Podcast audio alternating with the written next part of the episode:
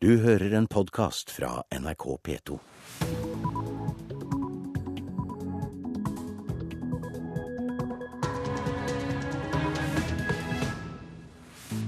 Dette er P2s Nyhetsmorgen, og nå klokka 6.30 torsdag 8. november har vi disse sakene.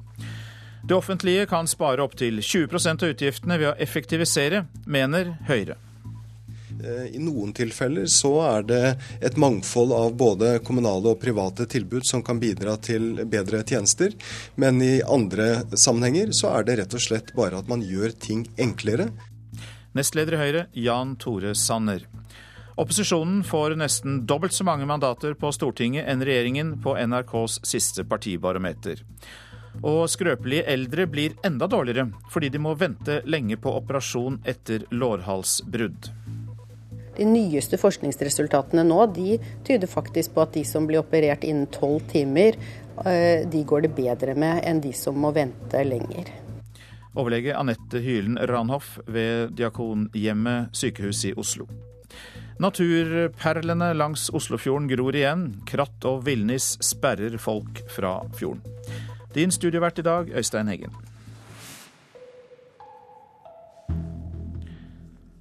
Offentlig virksomhet kan spare opptil 20% av utgiftene sine ved å effektivisere. Det mener Høyre, som har fått samlet en rekke rapporter der dette går fram. Regjeringen sløser bort mange titalls milliarder kroner årlig fordi den ikke tar effektiviseringen på alvor, sier nestleder i Høyre, Jan Tore Sanner. Dette er da penger som kan brukes til å eh, skape mer velferd. Flere politifolk, flere lærere, flere sykepleiere. Men da må man hente frem rapportene og gjennomføre politikken, og ikke la de ligge i skuffen i departementene, slik det ser ut til å gjøre nå. Fornyings- og administrasjonsminister Rigmor Aasrud legger på si side vekt på at mye øke i offentlig virksomhet er villa. Veldig mange av de som har blitt ansatt i offentlig sektor de siste åra, er der fordi vi ønsker at de skal være der. Det er blitt flere ansatte i barnevernet, det er blitt flere politier, det er blitt flere ansatte i kjerneoppgaver som vi syns det er viktig å satse på. Men Aasrud gjev en veslefing til Høyre. Så er jeg enig med Sanner at vi skal hele tida se om vi bruker for mye arbeidskraft der, rapportere og kontrollere. Det tror jeg vi har en felles utfordring i. Høyre og Jan Tore Sanner syner til utgreiinger som forteller deg at det er store summer å spare ved offentlige innkjøp, i skolen og i helse og omsorg. Men så er spørsmålet om hvorvidt det kan bli en spenning mellom det økonomisk effektive og menneskelig varme i offentlig virksomhet. Det er eh, varme omsorg som skal prege velferdssektoren i, i, Norge. Det disse rapportene har gjort, det er å ta utgangspunkt i eh, de kommunene som har mest effektiv eh, drift, de sykehusene som fungerer mest effektivt. Og så har man da sett på hva man kan spare av ressurser hvis alle er like gode som de, som de beste. I hva grad er det konkurranseutsetting som er stikkordet for Høyre? Man må bruke ulike virkemidler for å, for å, komme dit. Eh, I noen tilfeller så er det et mangfold av både kommunale og private tilbud som kan bidra til bedre tjenester. Men i andre sammenhenger så er det rett og slett bare at man gjør ting enklere. Men det er ikke mangel på effektivt strev, til dømes i helse og omsorg, sier Rigmor Aasrud attende. Mange flere pasienter blir behandla. Det fører til at noen må innkalle noen, noen må følge dem opp. Men jeg er enig i at vi skal se om vi klarer å bruke mer digitale løsninger, sånn at vi slipper å bruke så mye mannekraft på å gjøre arbeidsoppgaver som vi kan bruke eh, andre måter eh, på å få til. Statsråd Rigmor Aasrud og hun og Jan Tore Sanner møtes til debatt om dette i Politisk kvarter klokka 7.45. Reporter var Bjørn Bø. Opposisjonen her i landet har aldri hatt større oppslutning enn på NRKs ferske partibarometer for november. Dersom det hadde vært valg nå, hadde opposisjonen fått 110 mandater på Stortinget, nesten dobbelt så mange som regjeringens 59. Oppslutningen om høyresiden er større enn Erna Solberg våger å håpe på. Nei, Det tør jeg rett og slett ikke gjøre. Altså, akkurat den forskjellen mellom opposisjonen og posisjonen er den største jeg har sett. Høyre-leder Erna Solberg har grunn til å smile med en oppslutning på 33,9% NRKs ferske meningsmåling fra Norstat viser at hun leder partiet med desidert størst oppslutning blant velgerne. Og nå kaprer Solberg velgere fra både Frp og Arbeiderpartiet. Nei, altså Det er jo de rød-grønne partiene som, nå, som, det går relativt dårlig for. Og vi ser jo på denne siste målingen at det særlig for Arbeiderpartiet og SVs velgere er veldig mange usikre. Altså De har satt seg på gjerdet. Sier Bernt Årdal, professor i samfunnsforskning ved Universitetet i Oslo. Nei, Vi får jo bekreftet at Høyre og Fremskrittspartiet nå er i ferd med å bygge opp et solid flertall alene. Eh, det at begge to av disse partiene ligger såpass høyt, det er en veldig spesiell og interessant situasjon. Vi ser jo f.eks. at eh, Høyre har en usedvanlig høy lojalitet fra sine tidligere velgere, på over 90% Det er meget, meget høyt. Eh, I tillegg så ser vi jo at de sanker velgere fra andre partier. Og det har jo også vært en periode hvor de egentlig ikke har vist en veldig skarp profil. Så det som antagelig da kan være en risiko her, er jo nettopp at når det barker til med selve valgkampen, og hvor sakene kommer mer i fokus, så kan det nok være en del av disse velgerne som vil falle fra. Det er kun 57% av de som stemte Arbeiderpartiet sist, som ville stemt det samme hvis det var valg i morgen. Noe kan skyldes at Arbeiderpartiet har fått mye negativ oppmerksomhet den siste tiden. Ja, Det har jo hopet seg opp med negative saker. Og nå vil nok en god del av de bli glemt etter hvert. Men som, det som kanskje da ofte er det viktigste, uh, ulempen ved slike saker, er jo at man må forsvare seg, ikke kommer fram med sine politiske saker. Blant høyrefolk er det både optimisme og entusiasme i disse dager. For partiet og leder Solberg blir utfordringen å stå løpet ut. Ja, altså, jeg tror jo vi skal aldri ta noen som helst ting for gitt. Altså, jeg, jeg, vet at det er lenge til valget. Vi må jobbe hardt for at folk fortsatt tenker at de skal stemme på Høyre eller stemme på andre borgerlige partier. Men eh, det er et veldig godt utgangspunkt. Eh, men ingen må hvile på laurbærene nå. Det sa Erna Solberg, partileder i Høyre. Reportere Line Tomter og Espen Aas. Det blir ikke streik ved flyplassene Gardermoen, Værnes og Flesland i dag. Partene ble enige etter mekling, nærmere seks timer på overtid.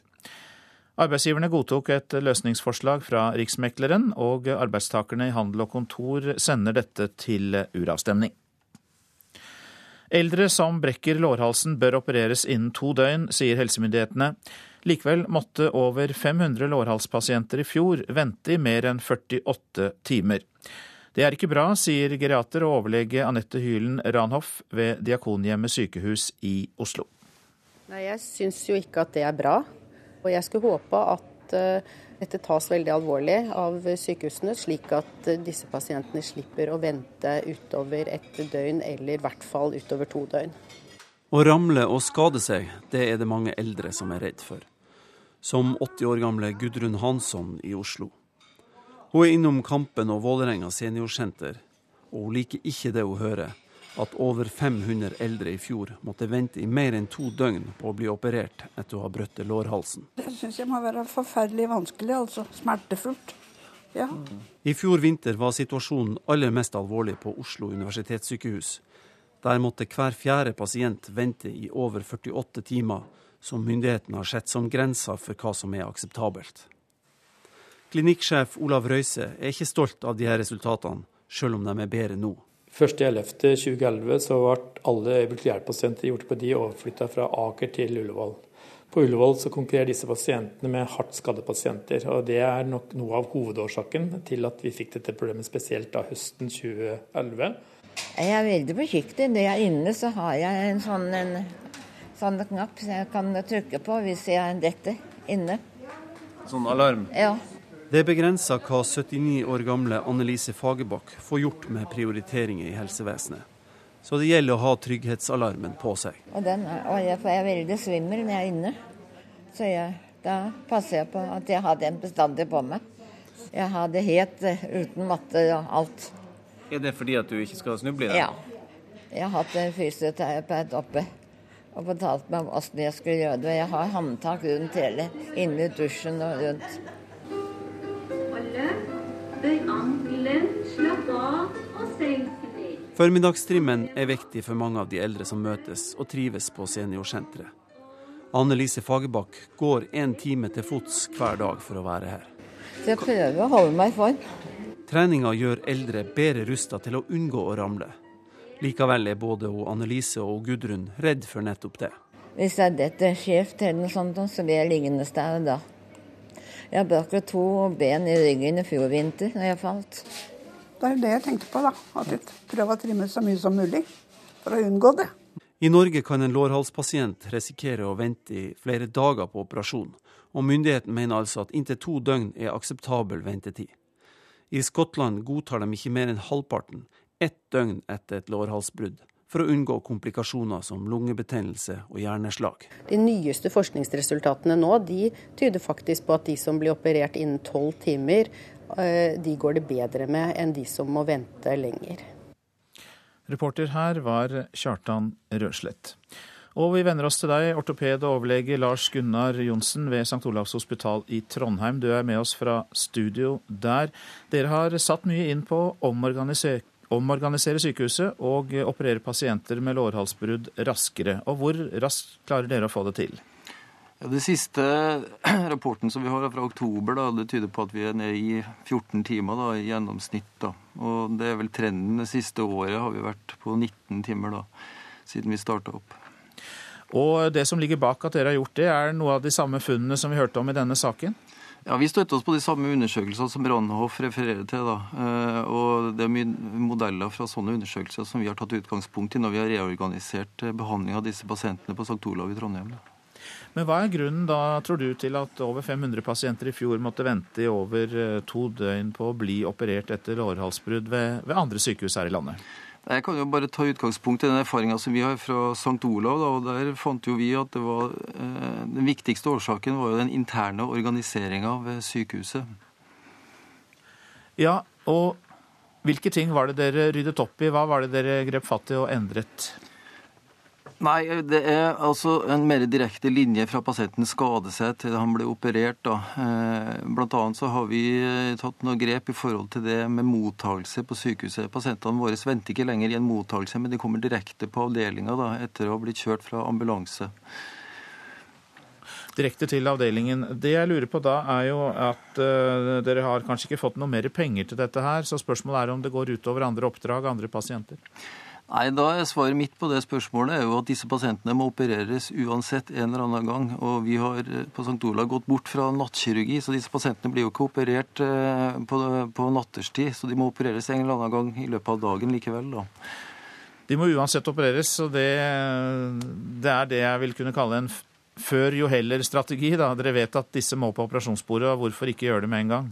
Ja, det er helt korrekt. Det er vår innstilling til disse pasientene.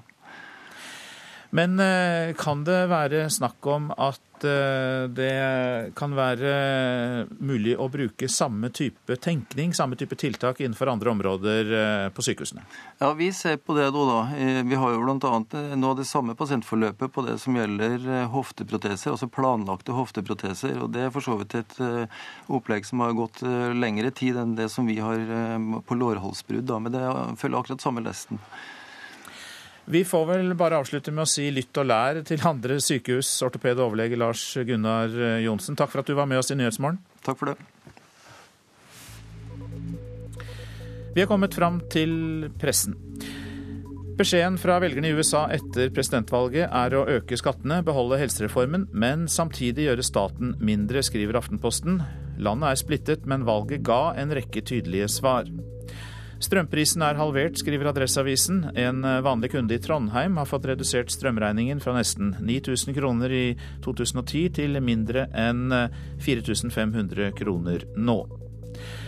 Sportsbransjen den er i priskrig, og de små taper, leser vi i Stavanger Aftenblad.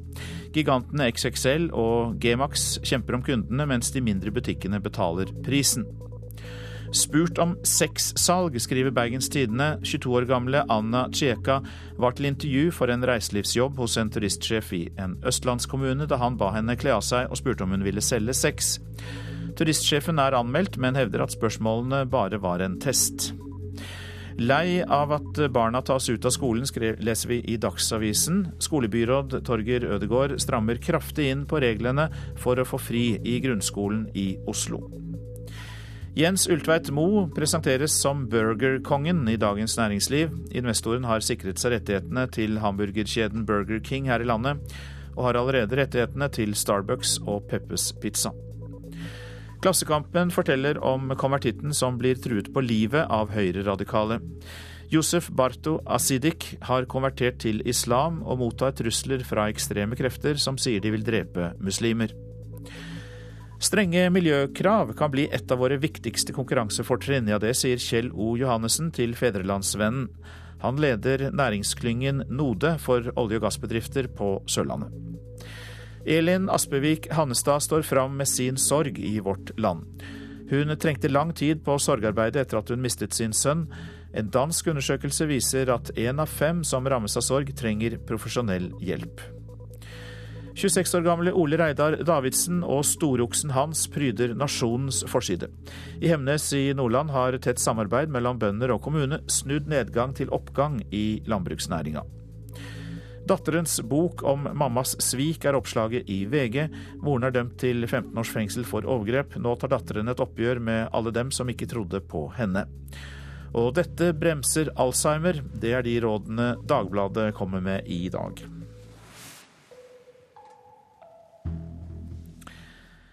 Nordmenn skårer for lite. NRKs fotballekspert Carl Petter Løken er bekymret over at det kun er tre nordmenn blant topp ti på toppskårerlista i Eliteserien i fotball. Og den bekymringen deler Molde-trener Ole Gunnar Solskjær. Du har lyst til at uh, toppskåreren i Norge skal være nordmann, selvfølgelig. Molde-trener Ole Gunnar Solskjær savner flere nordmenn på topp ti-lista over de mest skårende spillerne i Eliteserien. Kun tre norske navn finnes der i dag. Det bekymrer NRK-ekspert Carl Petter Løken. Det er veldig få norske spillere, eller med norsk pass, da, som òg uh, skårer mye mål, og det er i hvert fall bekymringsfullt. Fire spillere står med tolv mål hver øverst på toppskårerstatistikken. Blant dem er det ingen nordmenn. Ikke siden 1991 har antall mål hos en toppskårer vært så lavt. Den gang var det Carl Petter Løken som endte på topp med nettopp tolv mål. Litt tilfeldigheter er det. Samtidig kan det òg være et signal om at eh, en må dyrke spisskompetanse enda mer og trene enda mer på å skåre mål. Molde-trener Ole Gunnar Solskjær er likevel fornøyd med jobben som gjøres i hans egen klubb nesten på hver eneste økt så jobber vi med avslutninger. Og vi jobber med bevegelsesmønster, og vi, er mye selvtillit. Så det, det, er, en, det er en pågående prosess det der òg. Men Løken vil ha større fokus på spisstrening i flere klubber, og ikke minst blant de norske talentene. Det å skåre mål er veldig viktig, og da må du prøve å plukke ut de som har det lille ekstra der, og dyrke de de, den spisskompetansen det, det, er. For landslaget også på sikt så er det veldig viktig å ha målskårere her hjemme som skårer jevnt og trutt med mål, som har norsk pass. For det er potensielle avgjørere i veldig jevne kamper. Reporter her, det var Vibeke Unnhjem. Dette er Nyhetsmorgen, og klokka den går mot 6.48. Disse hovedsakene har vi i dag. Det offentlige kan spare opptil 20 av utgiftene ved å effektivisere, mener Høyre. Opposisjonen får nesten dobbelt så mange mandater på Stortinget enn regjeringen på NRKs siste partibarometer. Og skrøpelige eldre blir enda dårligere fordi de må vente lenge på operasjon etter lårhalsbrudd, viser undersøkelser. Vi har hørt at St. Olavs hospital i Trondheim har omorganisert sykehuset, slik at de der kan operere pasientene raskere.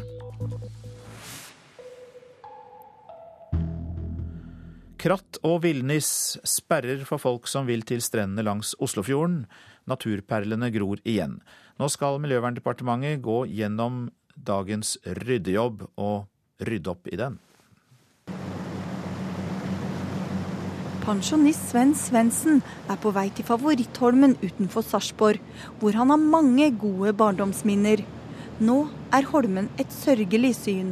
Det var fint en gang, men så lenge ikke blir brukt og du ser det gror igjen, så hva tenker du om det, du som er veldig glad i den øya her?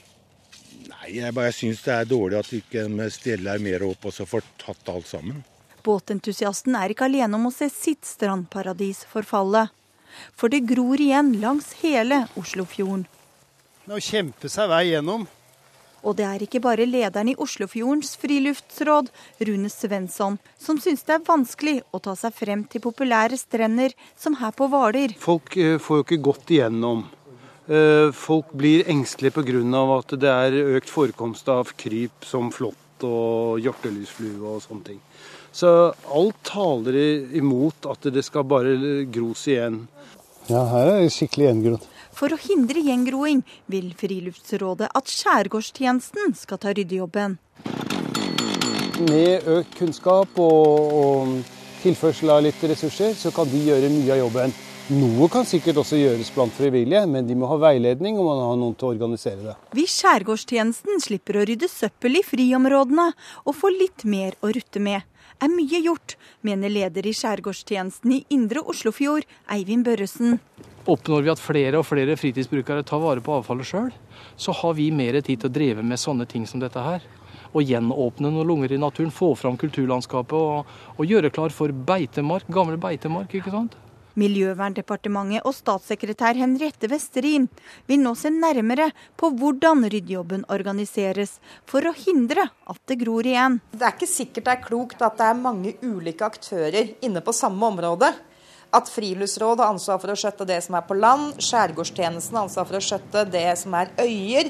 Og så trenger kanskje begge samme type utstyr. Så det vi burde se på er jo kan vi slå våre pjalter sammen for å få mer ut av pengene. Men som sagt, det er dette vi har satt bort nå for å få gode svar på. Så vi ser fram til svarene vi får der, og kommer til å følge opp dette videre. Nå skal pensjonisten få med seg et kaffelag ut på Holmen for å rydde i strandkanten. For noe bedre for helsa kan han ikke tenke seg. Det er jo et sted som en kan slappe av på. da. Og kose seg med ungene og grille og ha det moro. Nå setter de jo ut griller over hele her. Så må jo være helt perfekt. Og reporter, det var Anette Torjussen. Folk i Lillehammer og Stavanger får ikke lenger se gamle klassikere på kino. Cinematekene sier de legger ned neste år pga. manglende støtte. Filmene kommer i sånne her eksterne Leder for Cinemateket i Kristiansand, Irene Torp Halvorsen, forbereder til filmvisning i kveld. Hitchcock-klassikeren 'Mannen som viste for mye' er denne ukens torsdagsfilm som vises på de syv cinematekene rundt om i landet. Men til neste år er gamle klassikere historie.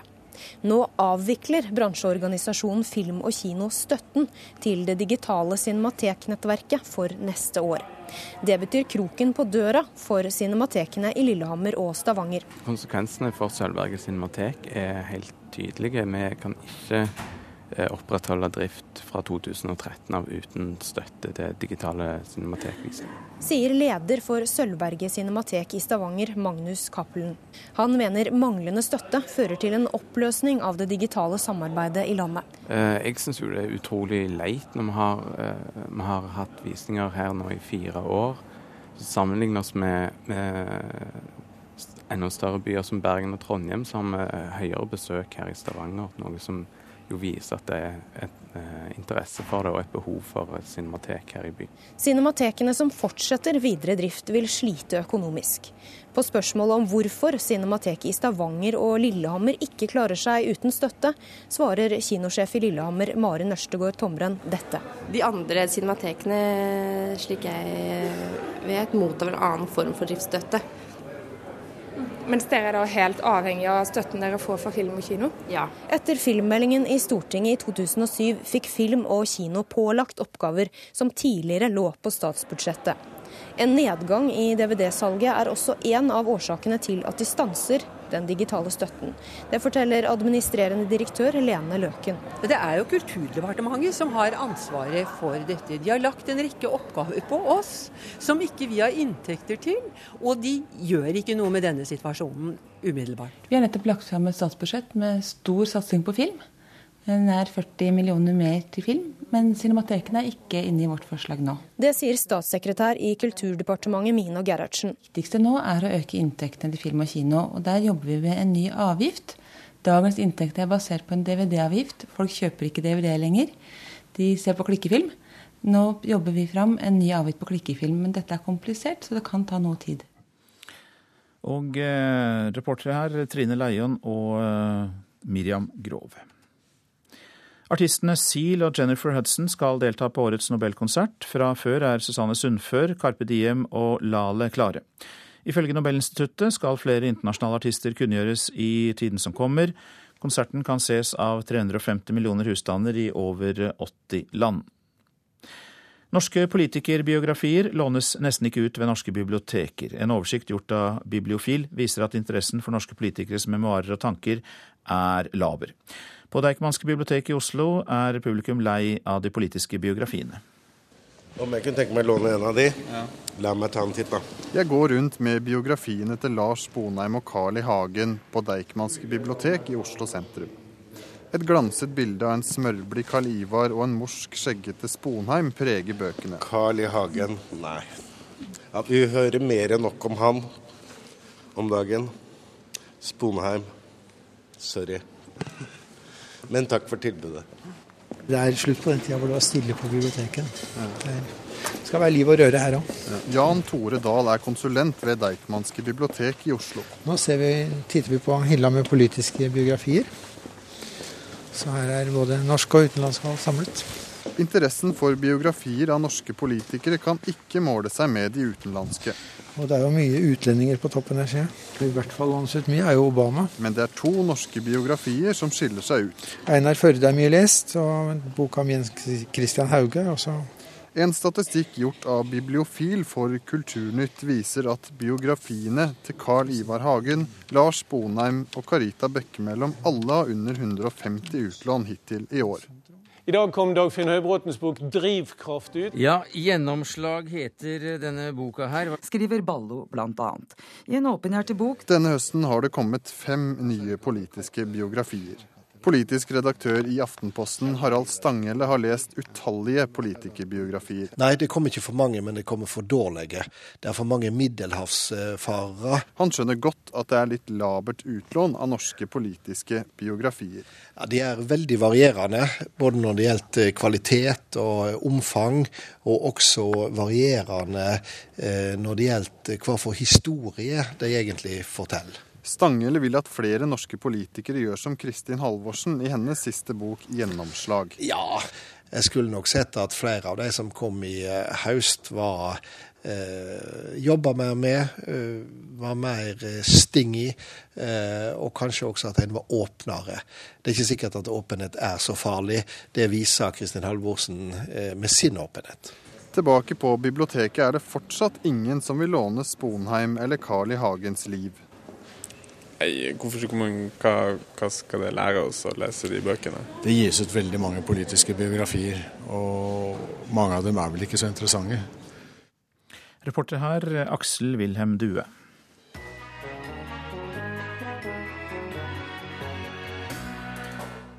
I Asia har Hitler blitt en liten koselig figur som trykkes på vesker og T-skjorter, som blir til kosedyr og artige plakater. Hitler framstilles akkurat like historieløst ukomplisert som en annen populær figur, Hello Kitty, og er ansett som minst like søt. Hør om Kitler-trenden i Radioselskapet klokka 11.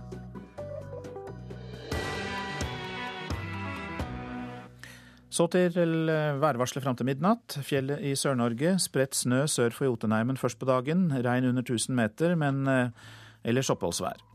Østlandet, Aust-Agder og Telemark utrygt for litt sludd eller snø, vesentlig nord for Oslo. Utpå dagen oppholdsvær i hele dette området. Vest-Agder får regn, seinere opphold. Rogaland og Hordaland regnbyger, snøbyger i høyfjellet og etter hvert oppholdsvær. Sogn og Fjordane og Møre og Romsdal liten kuling ved Stad. Regnbyger, snøbyger i fjellet, men seinere oppholdsvær også der. Trøndelag, Helgeland og Saltfjellet ser vi samlet i dag. Nordøst og nordvestlig periodevis liten kuling utsatte steder. I kveld vestlig stiv kuling lengst i nord. Enkelte sludd- og snøbyger og regnbyger på kysten. Salten og Ofoten nordvestlig periodevis stiv kuling utsatte steder. I ettermiddag vestlig sterk kuling. I kveld minker det. Det blir sludd- og snøbyger i Salten og Ofoten. Så til Lofoten, som får nordvestlig stiv kuling. I ettermiddag vestlig liten storm. I kveld minkende til bris. Sluddbyger og seinere regnbyger. Vesterålen dreining til vestlig stiv kuling. I ettermiddag liten kuling, men i sør kan hende vestlig liten storm. Sludd- og snøbyger. Troms nordvestlig stiv kuling utsatte steder. Kortvarig sterk kuling i sør. Minkende etter hvert. Fra i ettermiddag nordlig liten kuling på kysten. Perioder med sludd og snø. Kyst- og fjordstrøkene i Vest-Finnmark nordvestlig stiv kuling, fra i ettermiddag nordlig liten kuling, sludd- og snøbyger. Finnmarksvidda oppholdsvær, seinere snø. Øst-Finnmark nordvestlig stiv kuling på kysten, sludd og snø. Nordensjøland på Spitsbergen nordlig liten kuling utsatte steder, oppholdsvær. Temperaturer klokka fire. Svalbard lufthavn minus åtte. Kirkenes pluss én. Vardø tre. Alta to. Tromsø minus én. Bodø og Brønnøysund én. Trondheim 0, Molde 2, Bergen 7, Stavanger 9, Kristiansand 7, Gardermoen og Lillehammer minus 2. Røros er nede i minus 3. Oslo-Blindern hadde null grader da klokka var fire i natt. Du hører en podkast fra NRK P2.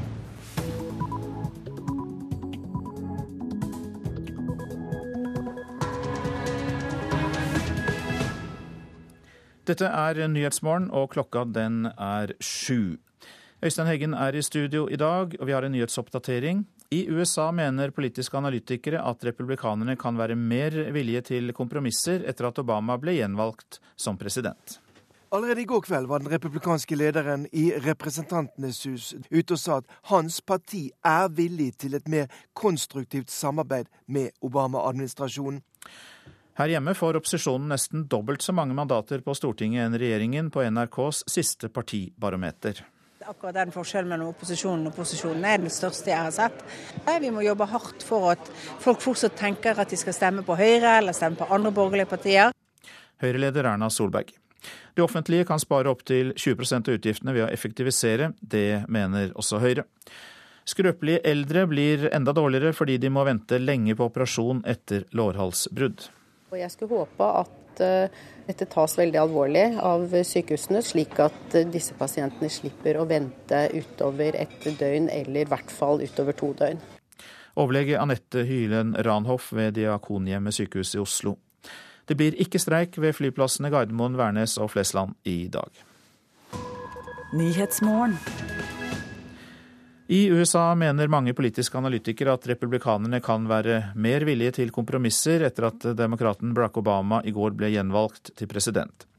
Republikanerne beholdt flertallet i den eh, folkevalgte delen av parlamentet, Kongressen, men ikke i Senatet, som vi vet. Men eh, de kan likevel bli tvunget til å godta mer av Obamas eh, politikk. Thank you for believing all the way to every hill. En offensiv og tydelig fornøyd nyvalgt president Barack Obama takka sine tilhengere under demokratenes valgmøte i Chicago i går. Demokraten Obama vant en klar seier over sin motkandidat, republikaneren Mitt Romney, både i form av valgmannsstemmer, men også i rene stemmer fra folket. Det alle spør seg nå, er om hvordan Obama kommer til å bruke dette mandatet fra folket til å få gjennom sin politikk, bl.a. når det gjelder skatter for dem som tjener mest, og tiltak som kan forbedre miljøet. Now.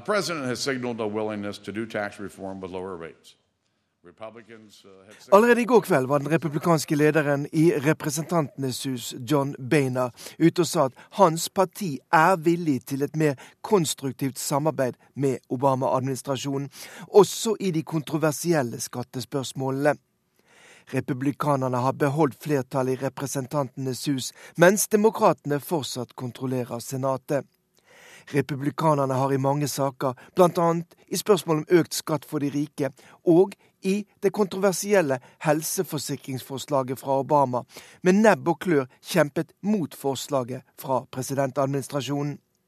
Men det er ikke tvil om at demokratene er kommet styrket ut av valget etter Obamas seier, og dette kan få konsekvenser, mener Denny Hayes, som er politisk analytiker ved det velrenommerte George Washington-universitetet i den amerikanske hovedstaden Washington. Obviously, a president winning re-election has some political capital to spend, and presidents typically, when they win re-election... Det er vanlig at gjenvalgte presidenter sier de har et slags utvidet mandat fra folket, sier Heis til nyhetsbyrået Ap, og viser til at tidligere president George Bush jr. hevdet dette etter at han ble gjenvalgt i 2004. Republikanerne må nå vurdere om valgnederlaget gjør at de må være mer kompromissvillige for ikke å provosere folkeflertallet, sier Danny Hayes ved George Washington-universitetet.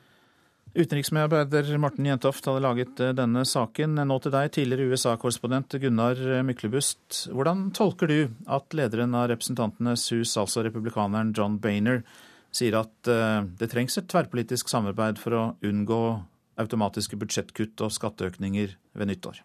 Det kan jo være en ny realisme etter valget. og det opplagt. Han, han sier samtidig det eh, selvsagte. Det må samarbeides her for at det skal eh, bli noe endring i. Situasjonen i, Kongressen er den samme som før. Eh, og eh, de store ambisjonene som republikanerne hadde eh, ved valget, de er ikke innfridd. Eh, og det er helt klart at republikanerne nå må gå i seg sjøl og finne ut hva slags mandat de nå har fått av de velgerne som ikke stemte dem eh, inn. De hadde håpet å få overta både Senatet og ikke minst Det hvite hus. Eh, så det er samtidig da slik at Beiner ikke har han, han, han, krever fortsatt skattelette. Han vil aldri gå med på skatteøkninger, sier han. Republikanerne tror fortsatt på det som prega Reagan-tida. Mindre skattelette øk, eh, fører til økt forbruk, og dermed eh, til økte skatter og eh, økte avgifter og inntekter for, for staten. Altså en vinn-vinn-situasjon for alle parter. Men litt om den opprinnelige årsaken til at USA nærmest automatisk må innføre budsjettkutt og skatteøkninger fra årsskiftet. I utgangspunktet så vil jeg jo tro at dette ikke er noe en stat må innføre automatisk, men her ligger det noe i fortida? Ja, dette var en situasjon som en uh, egentlig ikke skulle komme i. Dette, eh, vi må gå tilbake til fjoråret, da det var gjort forsøk på å eh, heve gjeldstaket i USA, eller, eller eh, taket for, for offentlige eh, låneopptak. Partene greide ikke å bli enige, og sa da at etter valget så får vi gjøre et nytt forsøk. Hvis ikke vi får til noe da, så blir det fra nyttår 2012-2013 eh, automatisk eh, innført eh, skatteøkninger og eh, reduksjoner i eh, utgiftene. Eh, og Her er begge parter likestilte. Dette er fordeler og ulemper for begge Eh, både republikanerne og demokratene. Republikanerne er ikke interessert i at eh, Forsvaret skal få mindre penger. Demokratene er ikke interessert i at eh, velferdsbudsjettet, velferdsordningene, programmene skal bli reduserte. Så begge, det er begges interesse at man nå får gjort noe før nyttår. Da Bill Clinton ble gjenvalgt i 2006, så ble det til slutt inngått et kompromiss om et balansert budsjett. Hvordan er det politiske klimaet for å få til det denne gangen? Det er nok vanskeligere. Det er mer ideologisert eh, republikansk opposisjon. Eh, som eh, da eh, også nå kanskje blir enda mer splitta eh, med den nye Kongressen. Eh, mange av de moderate kreftene som var i Kongressen eh, fram til nå, som da må reise hjem nå, de blir borte. sånn at denne spenninga som er mellom Hvite hus og Kongressen, den blir ikke mindre, i hvert fall. Mange takk skal du ha, tidligere USA-korrespondent eh, Gunnar Myklebust. Vi fortsetter med litt informasjon om valget i USA, for det får godkjent karakter av valgobservatører fra Organisasjonen for sikkerhet og samarbeid i Europa, OSSE. Men eh, de sier det er negativt at deres observatører ble erklært som uønsket i åtte delstater. De noterte seg likevel at mange velgere sto oppført i velgermanntallet i flere delstater, mens rundt 50 millioner av de 237 millioner stemmeberettigede ikke var registrert og ikke kunne avgi stemme. Enkelte delstater nektet også å gi stemmerett til tidligere straffedømte. Det mente OSSE at de ikke har anledning til. Mannen bak filmen 'Muslimenes uskyld', som tidligere i år opprørte muslimer verden over, skal tilbake til soning i fengsel i USA. Den egyptiskfødte koptisk kristne Mark Basilei Josef laget sin islamkritiske film mens han var løslatt på prøve. Mannen er dømt for banksvindel og skal under prøveløslatelsen ha brutt betingelsene, bl.a. ved å bruke falskt navn, så han blir altså fengslet igjen. I Guatemala mistet minst 48 mennesker livet, og flere enn 150 ble skadd i et kraftig jordskjelv i går kveld. Skjelvet ble målt til 7,3 og kunne også merkes i Mexico by og i El Salvador. Rundt 75, 73 000 hjem er strømløse etter dette, og redningsarbeidet er vanskelig fordi ras har sperret flere veier i Guatemala. I Kina startet kommunistpartiet i dag sin 18. kongress. Her skal den nye ledelsen for partiet, og dermed også for Kina, formelt velges. Asia-korrespondent Anders Magnus, du var på åpningen av partikongressen i eh, Beijing. og Hvordan eh, foregår valget på ny eh, ledelse? Det er veldig forskjellig fra valg i USA og Norge for den saks skyld. Eh, fordi det er ikke valg eh, i det hele tatt. Det er en utpeking av ledere som er gjort eh, gjennom maktkamper i partifraksjonene og avklart på bakrommet, så å si.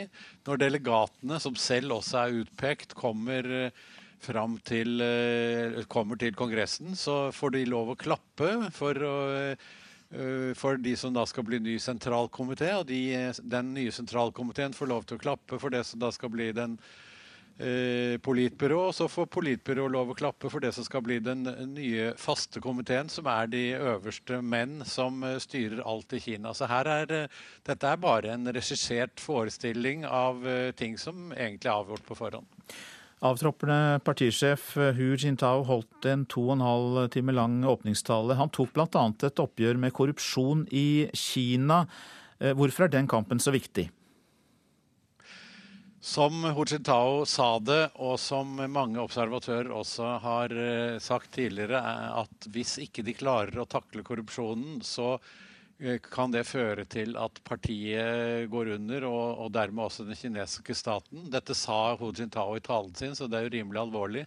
Grunnen til det er at eh, korrupsjonen spiser opp partiet innenfra, og i tillegg så Eh, fjerner den absolutt all tillit mellom det styrende og folket. Eh, de korrupte partilederne er så eh, foraktet blant vanlige folk i Kina. Så det er omtrent ingen tillit igjen mellom folket og de som etter eget utsagn skal tjene folket, nemlig ledelsen i kommunistpartiet. Så her er en tillitskrise som er helt enorm. Men den avtroppende partisjefen snakket jo også om økonomiske og politiske reformer. Og ja, la oss ta det. Hvordan er mulighetene for et demokrati etter mer vestlig modell? Veldig, veldig små muligheter for det, så vidt jeg kan bedømme. Det er eh, mye prat om demokrati, men det er vel mest for å holde de liberale innenfor partiet og i Kina stangen. Fordi eh, hvis man skulle gjennomføre demokratiske reformer, så vil den vesle gruppen som styrer alt og eier eh, store deler av Kina, miste makt og rikdom, og det er de ikke interessert i. Dette her er eh, toppsjiktet i partiet og deres familier som har dannet en slags mafialignende struktur som eh, på en måte eier Kina, og eh, da skal det mye til for at de vil eh, gi slipp på det. Mange takk, Asia-korrespondent eh, Anders eh, Magnus. Nå til deg, Mette Halskov Hansen, professor i kinastudier ved Institutt for kulturstudier og orientalske språk, Universitetet i eh, Oslo.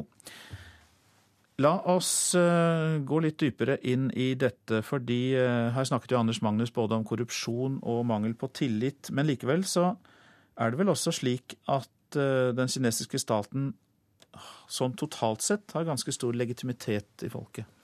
Øh, det er veldig viktig for øh, Kommunistpartiet å bygge opp øh, legitimitet. Til tross for at de ikke er folkevalgte, eller kanskje nettopp fordi de ikke er folkevalgte, så er det ekstremt viktig at de har en viss oppbakning i befolkningen. Det betyr også at vi har sett en evne til å tilpasse seg noen av de krav der dukker opp fra befolkningen. Partiet må følge veldig godt med i hva der rører seg i befolkningen. Det betyr f.eks. at man er nødt til å la folk komme til uttrykk, f.eks. på internett. Øh, man er nødt til å tillade en viss grad av demonstrasjoner, av organisering. Ellers så vet man ikke hva det rører seg, og det er altfor farlig. Øh, så skal vi også øh, tenke på, nå hvor det er partikongress, at her snakker vi altså om verdens største politiske parti. Det har et fantastisk medlemstall på 83 millioner medlemmer. Det er altså medlemmer som ikke automatisk er blitt medlemmer. De har aktivt søkt seg inn i partiet. De mødes da med deres delegater hver femte år, og der reiser over 2000 øh, delegater fra hele landet som representerer forskjellige grupper i befolkningen. De reiser til Beijing øh, til denne kongress. Og der kommer der øh, altså folk som øh, representerer Der må være noen soldater, der må være bønder.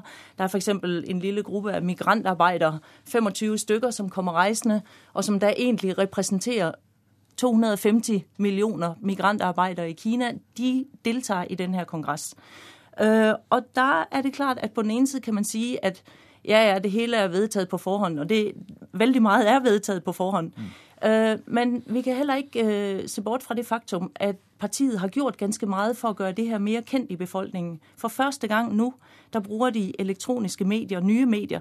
De bruger Twitter, de har apps for iPad, for mobiltelefon, for å komme ut med nyheder øh, om partikongressen. Og det skaper rent faktisk noe diskusjon og en viss sånn interesse i befolkningen. Nå er det vel også sånn at partiet nærmest oppleves uh, som en forlengelse av den kinesiske familien. Altså Det er en litt annen holdning til partiet og staten enn vi er vant til i vestlige land. At det ligger mer legitimitet nærmest i den kinesiske tradisjonen? Uh, partiet trækker, en del af legitimiteten kommer fra, hvad skal, vi kan godt kalde det en historisk tradition. Altså, øh, der er en, en, en, en del i den ældre generation i Kina, som fortsat tænker med, med stor sympati på øh, Kommunistpartiets øh, overtagelse i 1949, og som mener, at partiet har spillet en vældig vigtig historisk rolle i Kina. Så er der også vældig mange, øh, som ikke ser noget alternativ til Kommunistpartiet nå, og som tenker at det er vår beste mulighet for å ha et sterkt Kina globalt. Et sterkt økonomisk Kina er noe som er ekstremt viktig for den store øh, befolkning. Og man frykter rett og slett at øh, alternativene kan skape kaos og være verre enn det man har øh, i dag. Anders Magnus hadde ikke noe tro på noe vestlig type demokrati, men øh han og mange andre har også stor tro på fortsatt økonomisk vekst i Kina. Så du tror også at man vil fortsette denne parallelle kursen med sterk økonomisk vekst og markedsfrihet, og, men ikke så mye demokrati av den typen vi er vant til? Jeg tror at den økonomiske vekst vil bli sværere enn det vi har sett inntil nå, fordi man neppe kan opprettholde den samme økonomiske vekst. Så tror jeg også at man er nødt til, og det tror jeg presser seg på, man er nødt til å gjennomføre politiske reformer gradvist, og vi får ikke et vestlig lignende demokrati på samme måte. Men vi vil se en økning, øh, en åpning øh, i Kina, yderligere åpning. Jeg tror vi vil se øh, politiske endringer gradvist, og jeg tror vi vil se noen institusjonelle tiltak for å bekjempe korrupsjon, og det blir kjempevanskelig. Mange takk skal du ha, Mette Halskov Hansen, som altså er professor ved Universitetet i Oslo, og orienterte om det viktige som skjer i Kina for tiden, nemlig partikongressen, den 18. partikongressen.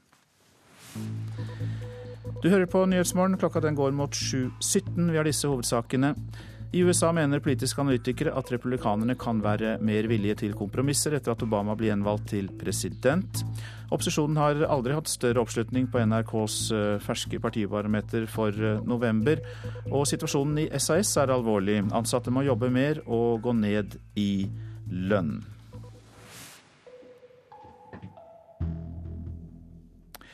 Det produseres gjødsel som aldri før ved Yara i Porsgrunn. Fabrikkene på Herøya er i ferd med å levere et nytt toppår. I år vil det bli produsert mer enn 1,9 millioner tonn mineralgjødsel. Hvis alt går som eh, det har fremover nå, slik vi har planlagt at det skal gjøre, så vil, det, vil vi greie å oppfylle det. Og Da vil det i så fall bli en av våre beste år. Fungerende fabrikksjef Knut Rutlin sier at det for tida produseres for full kapasitet på Herøya og neste års budsjett varsler den største produksjonen noensinne. To millioner tonn. Og Greier vi det, så vil det være all time high for, for Yara Porsgrunn.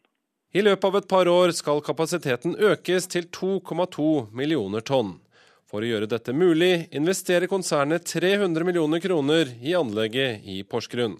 Det er jo veldig viktig i det å sikre arbeidsplassene i Porsgrunn, og ikke minst det at konsernet det er jo en, viser jo at konsernet har tillit til, til fabrikkstedet. Så det, det, er hyggelig. Hvordan kommer denne oppgraderingen til å skje? Nei, Den vil skje ved at vi utnytter revisjonsstansene i våre fullelsefabrikker i løpet av neste år til å implementere det nødvendige utstyret og gjøre de nødvendige modifikasjonene. Reporter her Tom Ole Buås. Så til deg, Linda Reinholdsen. Vi skal snakke om SAS, for eh, snart offentliggjøres kriseplanene, og flyselskapet må spare tre milliarder svenske kroner, og ansatte kommer til å bli bedt om kraftige lønnskutt når regnskapet for tredje kvartal blir lagt fram i dag. Og hvilke kutt eh, kan det bli snakk om? Ja, eh, Tallene kom jo allerede i forrige uke, og der kom det fram at de må Så det vi er mest spent på i dag, er jo de, hvordan de skal spare. De skal altså spare tre milliarder svenske kroner, og i tillegg selge unna eiendeler for like mye. Situasjonen er veldig alvorlig. Dette er noe som de rett og slett må gjøre for å snu mange år i underskudd og unngå konkurs. Hva kan det bety for de ansatte, sånn helt konkret ned på familieøkonomien? Ja, Ifølge kilder så kan det være snakk om lønnskutt på inntil 15% og i tillegg så må de ansatte jobbe mer for mindre lønn. Og det her kommer på toppen av årevis med sparetiltak, så det blir nok ganske tøft for de ansatte. Og i tillegg så må de sannsynligvis akseptere dårligere pensjonsordninger. Dagens Næringsliv skriver jo noe interessant i dag, nemlig at SAS-sjefen han som er alene på toppen, tjener like mye som hele ledergruppa i konkurrenten Norwegian. Så du kan altså få en hel ledergruppe der for samme prisen. Eh, kommer disse lønnskuttene til å gjelde ledelsen også i SAS? Det vet vi foreløpig ikke, men det er nok sikkert de ansatte i SAS veldig spent på. Lønnsnivået der er jo veldig høyt sammenligna med konkurrentene, som jo er grunnen til at de sliter. Det, skyldes både at de har høyere lønninger og at de er flere ansatte. Og ifølge Dagens Næringsliv så får jo SAS-sjefen Rikard Gustafsson alene like mye i lønn og pensjonsinnskudd som hele ledergruppa på sju personer i Norwegian. Bjørn Kjos og seks andre i ledelsen der klarer seg dermed på samme lønn som én SAS-sjef. Det er vel tankevekkende for en del eh, SAS-ansatte. Eh, hva slags eh, eierandeler eller selskaper er det SAS kanskje må selge? Ja, De må altså selge unna for tre milliarder svenske kroner, og det kan nok bli ganske kontroversielt. Og vi er veldig spent på hva det blir. Det har blitt spekulert i salg av bakkeselskapet SAS Ground Handling, bonusprogrammet Eurobonus, Widerøe flyselskap, fast eiendom og fly som de kan selge og deretter leie inn. Det er noen av de mulige tiltakene. Støtte fra de skandinaviske statene, kan det bli aktuelt? Eh, de har flere ganger gått inn til stor irritasjon fra konkurrenten Norwegian og deler av opposisjonen, eh, men nå har næringsminister Trond Giske sagt at det blir ikke aktuelt å gå inn med enda mer. Mange takk, økonomireporter eh, Linda Reinholsen. Bellona retter har kritikk mot myndighetene som skal granske plattformulykken på Njord-feltet natt til i går. Miljøstiftelsen mener Petroleumstilsynet mangler kompetanse og er underbemannet. Nå krever Bellona-leder Fredrik Hauge at også granskerne blir gransket. Vi stiller spørsmålstegn ved om Petroleumstilsynet har den rette kompetansen når det gjelder flytende I går gikk det galt på boligplattformen Floatel Superior på Njord-feltet i Norskehavet. Et anker slo hull på en tank som skal stabilisere plattformen, og over 300 arbeidere måtte evakueres. Plattformen ble etter hvert stabilisert, og er nå på vei inn til land der den skal repareres. Dette er andre gang på to måneder at en rigg i norsk farvann krenger. I september fikk boreriggen Scarabeo 8 slagside mens den bora i Barentshavet. Det er viktig at eh, man har en granskning av disse hendelsene. Både for å lære, men også for å se om regler eh, både hos selskap eh, som er operatør, riggeier og hos myndighetene fungerer. Og Vi mener nå at også granskerne i Petroleumstilsynet må granskes av departementet. Så Det er Petroleumstilsynet som skal granske denne hendelsen. Har dere tillit til at eh, de klarer å finne ut hva som har skjedd her? Vi opplever at de som jobber i Petroleumstilsynet svært ofte prøver å gjøre sitt beste, men vi får mange signaler om at de er overarbeidet, at det er blitt for mange saker, og at man ikke klarer å få den nødvendige fremdrift i sikkerhetsarbeidet. Tilsynsdirektør i Petroleumstilsynet Ingvild Hagesæter Foss avviser at de har for få folk og for lite kompetanse til å utføre oppgavene sine. Det er viktig for oss at, eh, at innretningen drives sikkert, så sikkerhetskritiske avvik blir ikke tolerert. Vi ønsker oss alltid mer ressurser, eh, men vi mener likevel at eh, det er ikke først og fremst vårt ansvar eh, at sikkerheten er ivaretatt offshore. Det er selskapenes ansvar. Reporter, det var Steinar Rostad Breivik. Så til avisene. Beskjeden fra velgerne i USA etter presidentvalget er å øke skattene, beholde helsereformen, men samtidig gjøre staten mindre, skriver Aftenposten. Landet er splittet, men valget ga en rekke tydelige svar likevel. Strømprisen er halvert, skriver Adresseavisen. En vanlig kunde i Trondheim har fått redusert strømregningen fra nesten 9000 kroner i 2010 til mindre enn 4500 kroner nå. Sportsbransjen er i priskrig, og de små taper, leser vi i Stavanger Aftenblad. Gigantene XXL og G-Max kjemper om kundene, mens de mindre butikkene betaler prisen. Spurt om sexsalg, skriver Bergens Tidende. 22 år gamle Anna Cieska var til intervju for en reiselivsjobb hos en turistsjef i en østlandskommune da han ba henne kle av seg og spurte om hun ville selge sex. Turistsjefen er anmeldt, men hevder at spørsmålet bare var en test. Lei av at barna tas ut av skolen, leser vi i Dagsavisen. Skolebyråd Torgeir Rødegård strammer kraftig inn på reglene for å få fri i grunnskolen i Oslo. Jens Ulltveit Moe presenteres som burgerkongen i Dagens Næringsliv. Investoren har sikret seg rettighetene til hamburgerkjeden Burger King her i landet, og har allerede rettighetene til Starbucks og Peppes Pizza.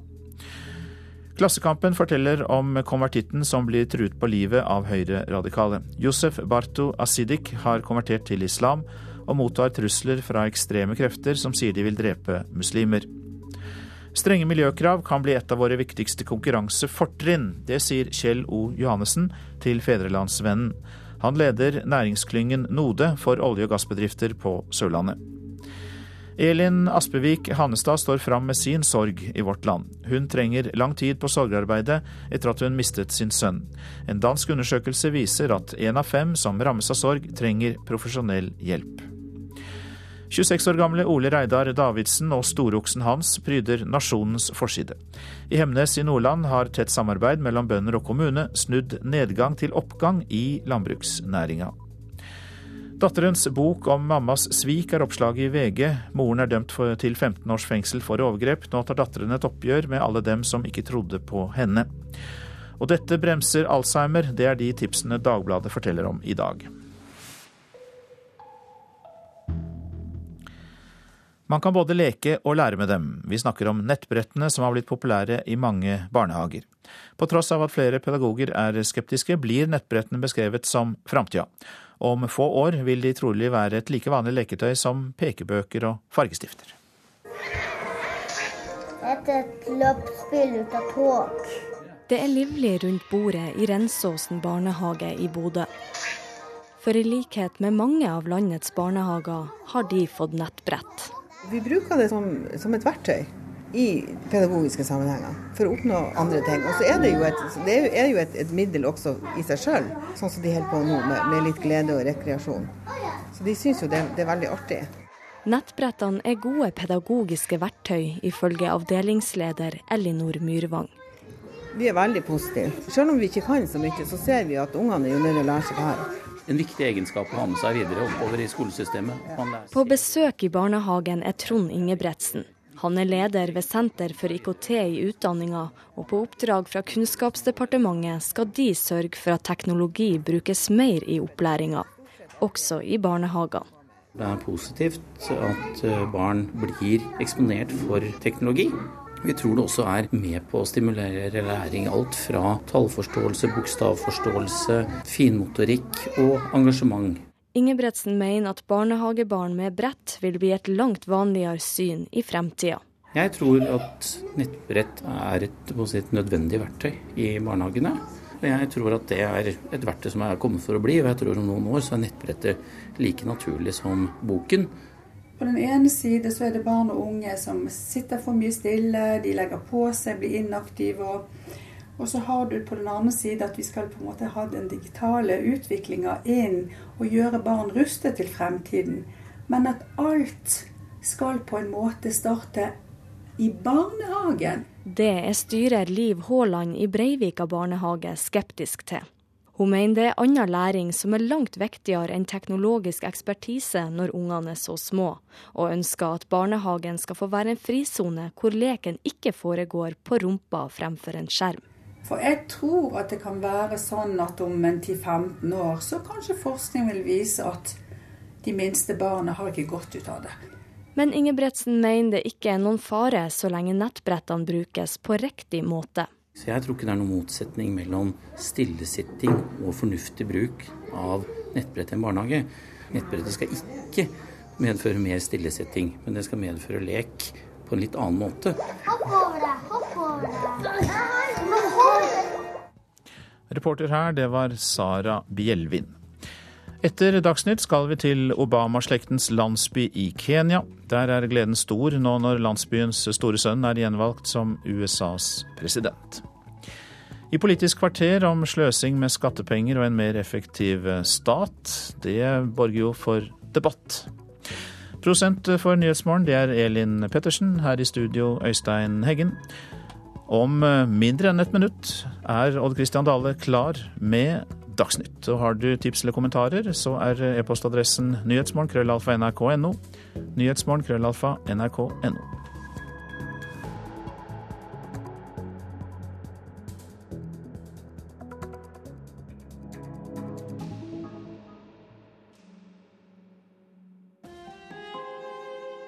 Hør ekko. Alle liker kong Harald. Hyggelig mann.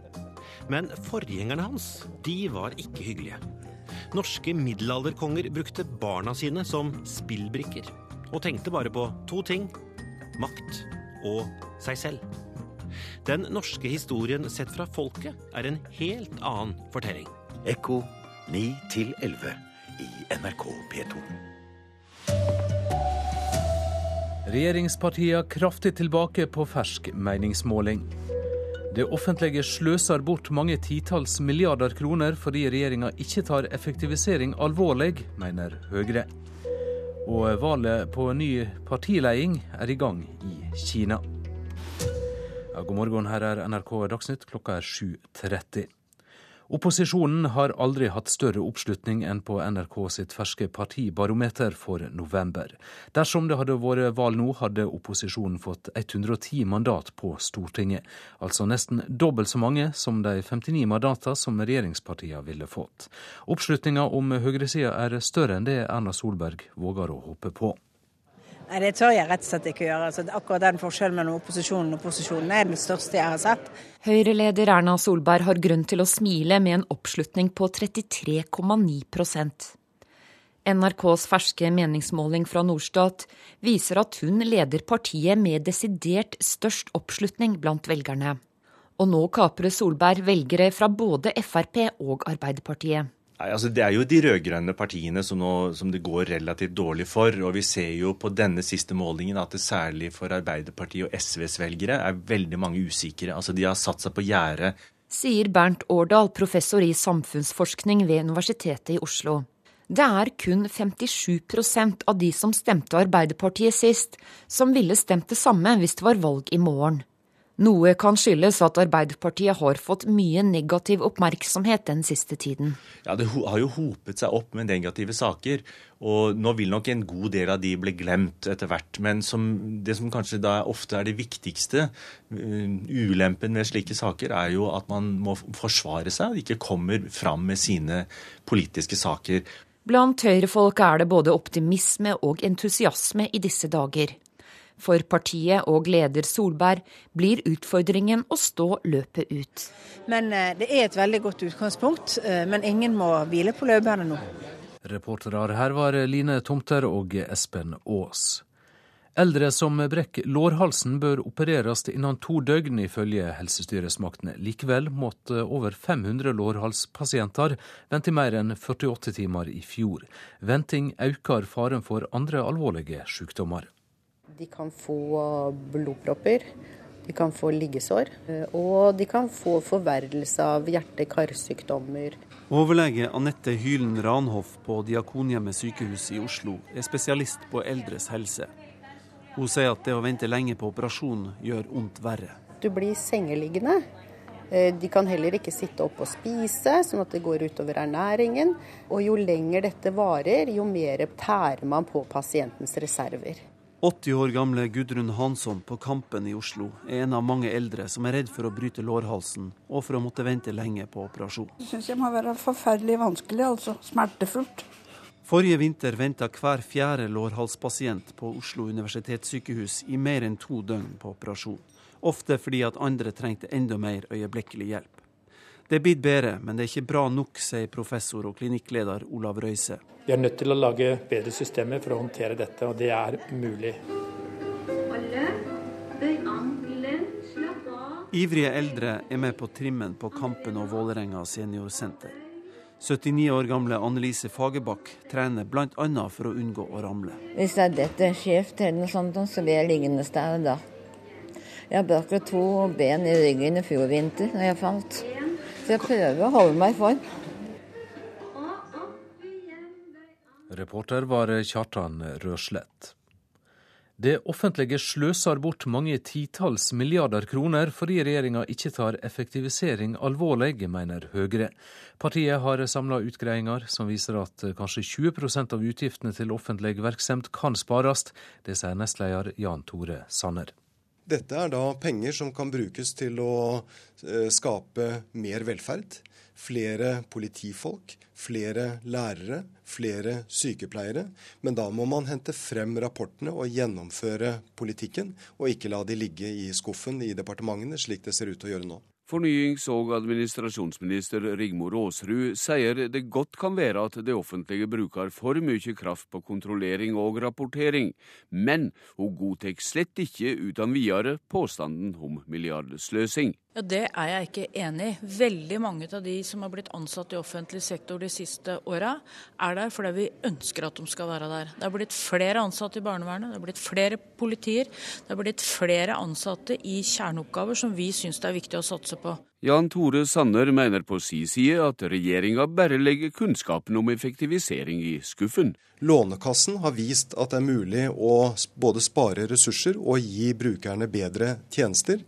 Eh, men som sjefen i Lånekassen sier, eh, så har ikke regjeringen noe prosjekt for å drive eh, offentlig sektor mer effektivt. Reporter her var Bjørn Bø, og Høyre og regjeringa møtes til debatt i Politisk kvarter på P2 kvart på åtte. I Kina starta kommunistpartiet i dag sin 18. kongress. Her skal den nye ledelsen for kommunistpartiet og dermed for Kina formelt velges. Og Asia-korrespondent Anders Magnus, du var på åpninga av partikongressen i Beijing. Og hvordan foregår valget i Kina? På en helt annen måte enn valget i USA. I Kina er det jo ikke folk flest som får lov til å stemme.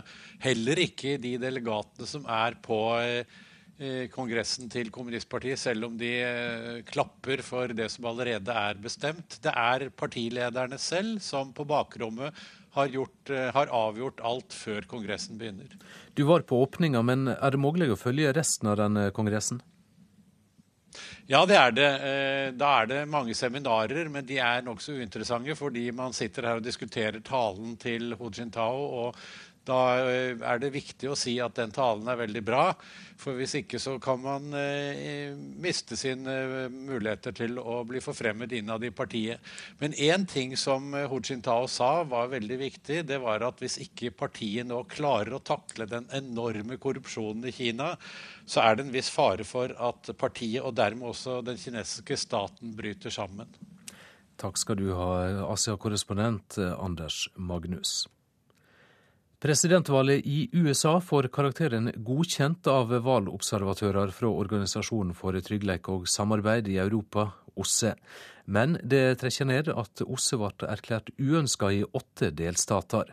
Mange velgere sto oppført i valgmanntallet i flere delstater, medan rundt 50 millioner av de 237 millioner røysteføre ikke var registrert og ikke kunne avgi stemme, ifølge valgobservatørene. Over halvparten av de som bor på asylmottak, er ikke asylsøkere. Fire av fem har fått avslag på søknaden, venter på å få en sted å bo i Norge, eller venter på ny behandling av søknaden. Bare 17% av de som bor på mottakene har asylsaker til behandling hos Utlendingsdirektoratet, skriver VG. Frode Forfang, som er direktør i Utlendingsdirektoratet, mener dette er feil bruk av asylmottakene. Det er eh, en alvorlig sak, fordi eh, asylmottakene er ment for personer som har en asylsøknad til behandling. Hvis de har avsluttet den behandlingen, som da betyr enten at de har fått endelig avslag eller at de har fått en innvilgelse, så har de egentlig ingenting i mottaket å gjøre. Da skal de enten returneres ut av landet, eller de skal bosettes i en norsk kommune. Men vi sliter eh, med begge disse tingene. Det er vanskelig å få returnert eh, personer med endelig avslag til hjemlandene. Eh, samtidig så er det noe vi kan gjøre noe med, og det er at norske kommuner i dag ikke i tilstrekkelig grad bosetter de som har fått oppholdstillatelse. Og det er også en stor utfordring som vi faktisk kan gjøre noe med enklere. Celtic sto for den største overraskinga i Meisterligaen da de slo verdens beste klubblag, Barcelona, 2-1 i går kveld.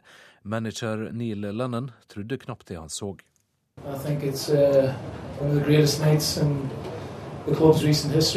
Um, very poignant on a 125th anniversary. Neil Lennon bruker store ord for å beskrive mesterligaseieren over Barcelona. Han sier det er en av de største kveldene i Celtics historie. Manageren kunne knapt vært mer fornøyd med egne spillere. I det 83. minutt fikset den 18 år gamle innbytteren Anthony Watt 2-0 til Celtic. Det hjalp ikke at Messi skåret etterpå. Celtic vant, men det betyr ikke at veien videre i Mesterligaen blir enkel, selv om utgangspunktet er bedre enn forutsett. That's all it's given us a, a greater chance than maybe we expected. You know, before the. Len tror forventningene til hans mannskap vil øke etter den overraskende seieren, men minner om at det er mye å jobbe med. Still a lot of work to do in the group, but um, we're giving ourselves a fantastic platform. Og reportere her var Ida Nysæter Rask. Ansvarlig for denne sendinga det er Erlend Rønneberg. Teknisk ansvaret har Hanne Lunås, og i studio programleder Odd Christian Dale.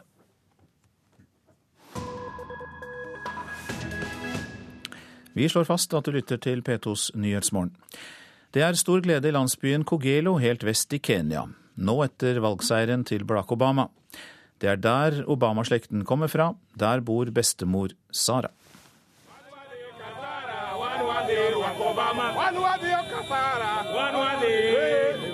Kenyanere hyller bestemor Sara og barnebarnet Barack med sang.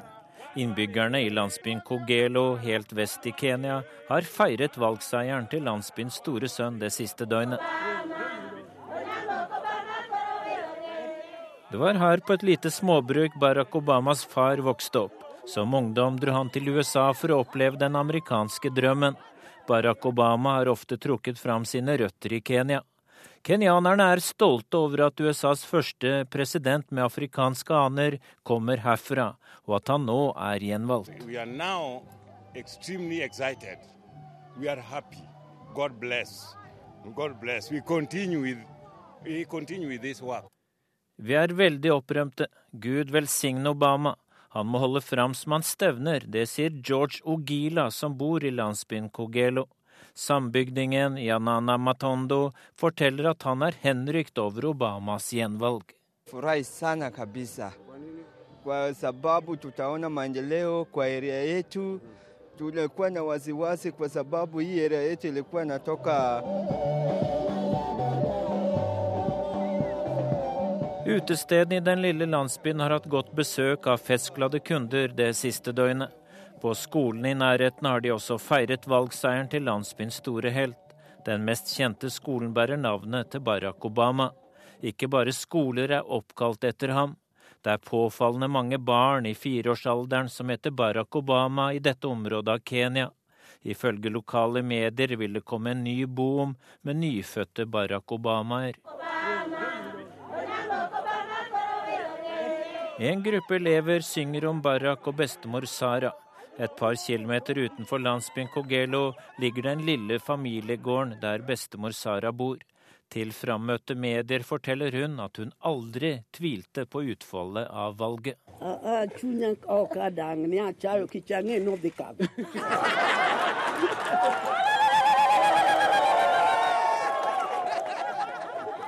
De frammøtte ler godt av bestemora som hadde så klokketro på barnebarnet, selv om meningsmålinger i forkant viste et nærmest dødt løp mellom Barack Obama og Mitt Romney.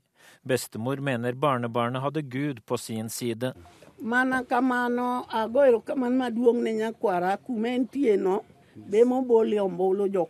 Det er også viktig for seieren at Barack er en snill gutt som alle liker, fortsetter Sarah Obama.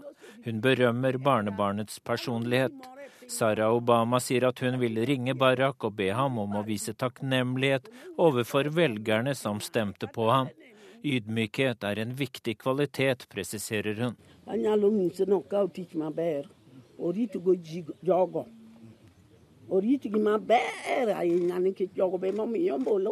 Forrige gang Barack var og besøkte henne på familiegården i Kenya, var høsten 2006, to år før han ble president. Men Obama er ikke like populær hos den politiske ledelsen i Kenya lenger. I løpet av første presidentperiode besøkte Obama Ghana, men ikke Kenya og han har flere ganger sendt utenriksminister Hillary Clinton til Nairobi, der hun har kritisert landets ledere for passivitet i forhold til å bekjempe korrupsjon. Nå håper innbyggerne i Kogelo at helten og forbildet i Det hvite hus skal besøke dem i løpet av den siste presidentperioden. Det sa reporter Dag Bredvei. Dette er Nyhetsmorgen. Dette er noen av hovedsakene. I USA beholdt republikanerne flertallet blant de folkevalgte Representantenes hus, men kommentarer tror de kan bli nødt til å godta mer av politikken til Obama etter tapet i presidentvalget. Skrøpelige eldre blir enda dårligere fordi de må vente lenge på operasjon etter lårhalsbrudd. Og Kinas president og partileder, avtroppende sådan, Hu Jintao, tok et kraftig oppgjør med korrupsjonen i Kina i sin tale til Folkekongressen. Byråkrati og sløsing med skattepenger er stikkord for deg i Politisk kvarter, Per Arne Bjerke. Ja, Høyre mener vi kaster bort milliarder pga. unødvendig byråkrati og kostbare løsninger, møter administrasjonsministeren til debatt. Og Senterpartiet mister stadig flere velgere. Vi må slutte å krangle og i stedet dyrke våre seire, mener partiveteran.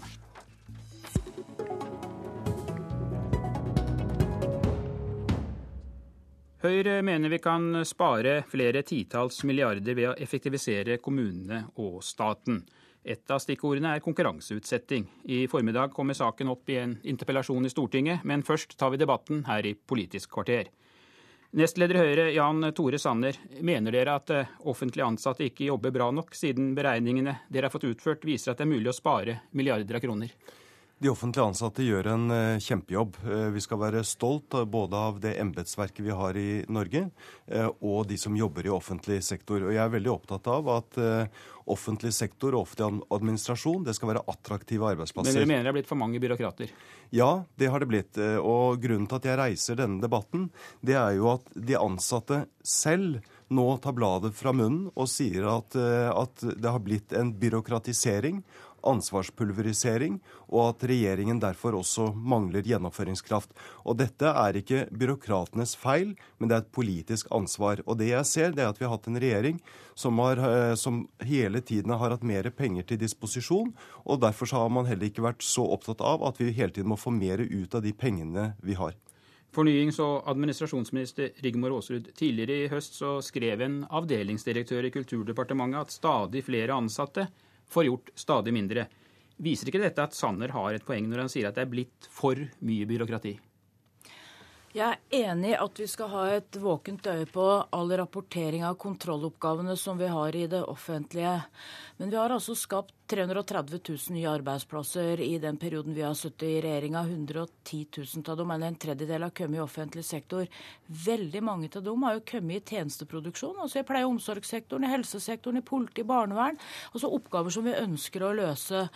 Og det er ikke sånn at uh, det har blitt Altså den veksten som har vært i offentlig sektor, den har vært på samme linje. Vi har like stor offentlig sektor nå som det vi hadde da vi begynte. Men det har blitt flere folk i Norge, og det betyr at vi må ha flere til å jobbe også for å ha de samme ja. tjenestene. Ja, Sanne, Dere vil altså privatisere eller konkurranseutsette, men trengs det færre mennesker til å utføre f.eks.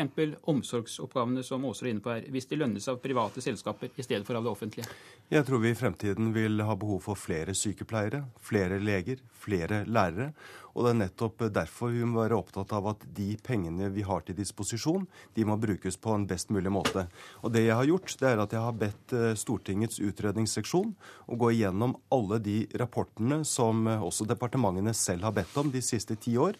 Og De har gått gjennom 20 rapporter, og disse 20 rapportene viser at det er et stort potensial for å få mer ut av pengene vi har til disposisjon. Og så vil jeg gjerne understreke at det er ikke sikkert at man klarer 15 eller 20% men kanskje man klarer 5 eller 10. Og gjør man det, så betyr det at vi frigjør penger som kan brukes til flere lærere, flere sykepleiere, bedre velferd. For det første så sier ikke effektivitet, som jeg skjønner at de rapportene bygger på, noe om kvalitet. Og jeg er opptatt av at vi skal øke kvaliteten på en del offentlige tjenester. Og så viser jo bl.a. de undersøkelsene jeg gikk gjennom, bl.a. NHO sine tall, som eh, har sett på hvilke hvis du er like god som den mest effektive eh, kommunen. Da. At den store forskjellen på dette er jo pensjon. Og da må jeg spørre Jan Tore Sanner, er det pensjon og arbeidsvilkårene til de ansatte som skal skape den, eh, det handlingsrommet Høyre ønsker seg? Ja, Jan Tore Sanner, skal vi få være helt konkret, for det kan jo hende da, at det er du som sitter i regjering om ti måneder. og Hvor er det du vil spare penger? Jeg vil gå gjennom de rapportene som ikke NHO har bedt om, men som departementene selv har bedt om. Pensjonsutgifter? Nei, det handler ikke om pensjonsutgifter. Det, det, man, det disse rapportene har gjort, det er at eh, man har gått igjennom det som kalles for best practice. Da tar man utgangspunkt i de offentlige sykehusene som gjør det best, og de offentlige sykehusene som har lavest produktivitet. Og så ser man eh, hvor, eh, hvor, hvor stort potensial er det hvis du klarer å løfte de som ikke gjør det så bra, til de sykehusene som gjør det best. Tilsvarende på andre områder. Og så vil jeg gå gjennom også offentlig administrasjon. La meg ta eh, to eksempler. I dag så er det 22 22 statlige etater som kan gi innsigelser til kommunale arealplaner. Det betyr både at du har et voldsomt statlig byråkrati, men også at du må bygge opp et stort lokalt byråkrati. Og så et annet eksempel som viser at det er mulig. Statens lånekasse for utdanning har på eget initiativ, ikke etter at regjeringen har bedt dem om det, men på eget initiativ effektivisert sin drift. De har kuttet budsjettet med 50 millioner, et budsjett på 300. Samtidig så har de bedret tilgjengeligheten for, for brukerne. Og som han, eh, sjefen der, der sa, når man ser hva vi har fått til, tenk hva man totalt sett kan få til i offentlig sektor hvis alle går igjennom sin drift og, og forsøker å gjøre det enklere og mer effektivt. Ja, ja, og at vi kan gjøre mye mer på digitalisering er jeg helt enig i. Derfor har vi rett før ferien lagt fram et digitaliseringsprogram som eh, vil gjøre at offentlig sektor blir mye mer digitalt. Nå har vi ute på høring en forskrift som gjør at eh, du og jeg og alle andre skal få posten digitalt istedenfor på, på gamlemåten. Og det vil være enorme ting å spare men, på det. Åsrud, dette dreier seg ikke bare om digitalisering, og vi kan kanskje trekke litt på spilebånd når vi kjører historier om at sju forskjellige personer blir koblet inn for å få byttet en lyspære. Men dette er vel egentlig dypt alvorlig, at man går seg ja. helt bort i byråkratiet? Ja, og, og, det er jeg helt enig i. Uh, hvis man lager modeller som gjør at man må innom sju forskjellige personer for å få skifta ei lyspære, så må vi sjølsagt ta tak i det. Sånn skal det ikke være. Men vi har altså gjort store reformer i det offentlige i den tida vi har vært i regjering. Samhandlingsreformen, Nav. Vi har gjort store store reformer innenfor barnevernet. Vi har fått opp produktiviteten på mange områder. Så jeg har lyst til å si til Jan Tore Sanner, jeg gikk gjennom den siste rapporten knytta til kommunesektoren. Den viser at fra 2008 til 2009 så hadde 54% av norske kommuner effektivitetsforbedringer. Det viser jo at kommunene også henger med eh, og gjør jo, eh, men, tiltak men, for å forbedre men, seg. Men, Aasrud, spørsmålet er jo hva regjeringen gjør med dette. Eh, og nå har dere sittet med makten i, i syv år. Eh, og det har vært en kraftig vekst i eh, departementene. 15 vekst i antall, i, i, antall, i, antall, i antall, ansatte. Eh, det er jo Samtidig, ikke riktig. Jo, men dette er jo tall fra Finansdepartementet. Samtidig som det har vært en sterk vekst i underliggende etater. Og så sier de ansatte selv at, at, de produserer mindre, og at det tar stadig lengre tid å få frem sakene. Og da er spørsmålet hva gjør man? La meg ta et eksempel til, som er, er samferdselsetatene. I Norge så har så har vi flere ansatte i de statlige samferdselsetatene enn man har i Sverige. Og Sverige har dobbelt så mange mennesker, og de har dobbelt så mye ja. vei. Allikevel har vi flere ansatte i samferdselsetatene, de som administrerer det hele. Og her ser vi at regjeringen tar ikke tak i byråkratiseringen av Norge. Og for det første er det feil det Sanner sier. Fra 2006, som er det året vi må ta ansvar for, så har antall ansatte i departementene økt med 5,6 Ja, så har vi økt bemanninga i samferdselsetatene fordi vi bruker mye mer penger på samferdselsformål, når vi skal planlegge veier, når vi skal følge opp de som jobber ute i sektoren, jo, så er det klart det må være flere ansatte. Hvorfor trenger vi flere ansatte enn i Sverige, slik Sanne var inne på? Vi har en mer desentralisert struktur i Norge. Eh, det kan være et av grunnene. Jeg har ikke gått inn på samferdselssektoren eh, direkte. Men for de aller fleste områder så har vi en effektiv forvaltning. Hvis vi ser på og sammenligner norsk forvaltning med andre lands forvaltninger, så ligger vi blant de to, tre, fire beste på alle måleindikatorer. Det viser at vår forvaltning er både effektiv og god og tjener de innbyggerne skal tjene. Jeg er litt overrasket over at eh, Rigmor Aasrud ikke tar de signalene som kommer fra de ansatte selv. Og det er ikke bare bare avdelingsdirektøren i Kulturdepartementet som har slått alarm, men også akademikerne, som også eh, organiserer mange av de ansatte, har også pekt på Gjørv-kommisjonen. Nemlig at Gjørv-kommisjonen har pekt på byråkratisering og ansvarspulverisering, og at det kan være et vel så stort problem på andre områder som, det det har vært i beredskapen. Og som jeg, og som jeg har sagt til Sanner, jeg tror vi skal ha en veldig nøye blikk på hvilke kontrollmekanismer og hvilke rapporteringskrav vi har. Da tror vi også vi skal tenke oss om om vi skal f.eks. gå inn på et av de forslagene som har vært diskutert de siste dagene, om vi skal begynne med sertifiseringsordninger på lærere. Det blir i hvert fall ikke mindre byråkrati av det. Takk skal dere ha, Jan Tore Sanner og Rigmor Aasrud. Og så skal vi ta en liten ommøblering i studio. Vi får inn et nytt par her. For eh, Senterpartiet fortsetter å miste velgere. Dagens ferske måling som Norstat har gjort for NRK, gir partiet en oppslutning på 3,9% Hadde det vært valg nå, ville partiet bare fått én representant på Stortinget. Denne målingen føyer seg inn i rekken av flere andre dårlige målinger, der partiet ligger under sperregrensen. Og Jon Røyne, du er varaordfører i Fett kommune og har vært aktiv i Senterpartiet i 50 år. Hvilke feil er det dere gjør? Ja, Først er det jo heldigvis bare en måling. Dette er ikke valg. Men jeg tror at vi må slutte å pleie misnøyen og de ting vi ikke lykkes med, og i større grad eh, ta vare på seirene, for dem har vi også mange av, og være flinkere til å presentere dem. Og det synes jeg vi var flinkere til i første perioden vi satt i regjering nå, og dårligere nå i den andre. Og så må vi jo en gang lære at persondiskusjoner og lederdiskusjoner, det er håpløst. Ja, Sandra Borch, du står på farten til landsmøtet i Senterungdommen, der du helgen stiller til gjenvalg som eh, leder. og Dette med personlige diskusjoner og krangler, det er kanskje du noe å si om? Er det dette som er årsaken til at dere nå sliter så voldsomt? Nei, eh, det tror jeg ikke. Vi har hatt eh, dårlige meningsmålinger dessverre en god stund. Jeg tror i likhet med, med Hans her nå at vi er nødt til å, å pleie våre seire. Eh, og så tenker jeg at vi er nødt til å, å i større grad spisse profilen vår som sentrumsparti. Eh, fordi at vi, har, vi ligger i sentrum av norsk politikk, og vi skal fortsette å kjempe for våre sentrumssaker. Så jeg tror å spisse vår profil på det blir viktig nå i programarbeidet til Senterpartiet. Røyne, du var litt inne på Hvilke, Hvor stor virkning tror du har hatt denne krangelen eller diskusjonen som vi har sett rundt partilederens person og hennes temperament? Nei, jeg, I likhet med Sandra så tror jeg ikke det er årsaken, men det er en sak som kommer på toppen av eh, skal vi si, en dårlig utvikling over tid.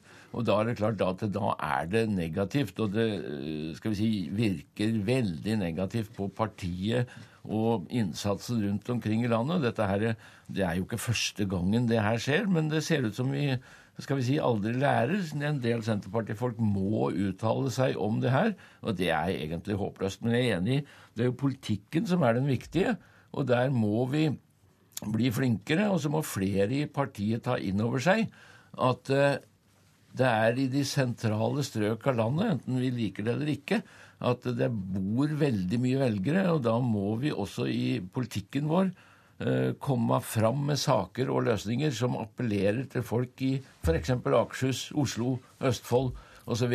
For det er der vi må hente velgere, hvis vi fortsatt skal være et sterkt talerør for distriktspolitikken. Sandra Borch, er det det som er problemet, at dere fortsatt av veldig mange oppfattes som et litt snevert bondeparti?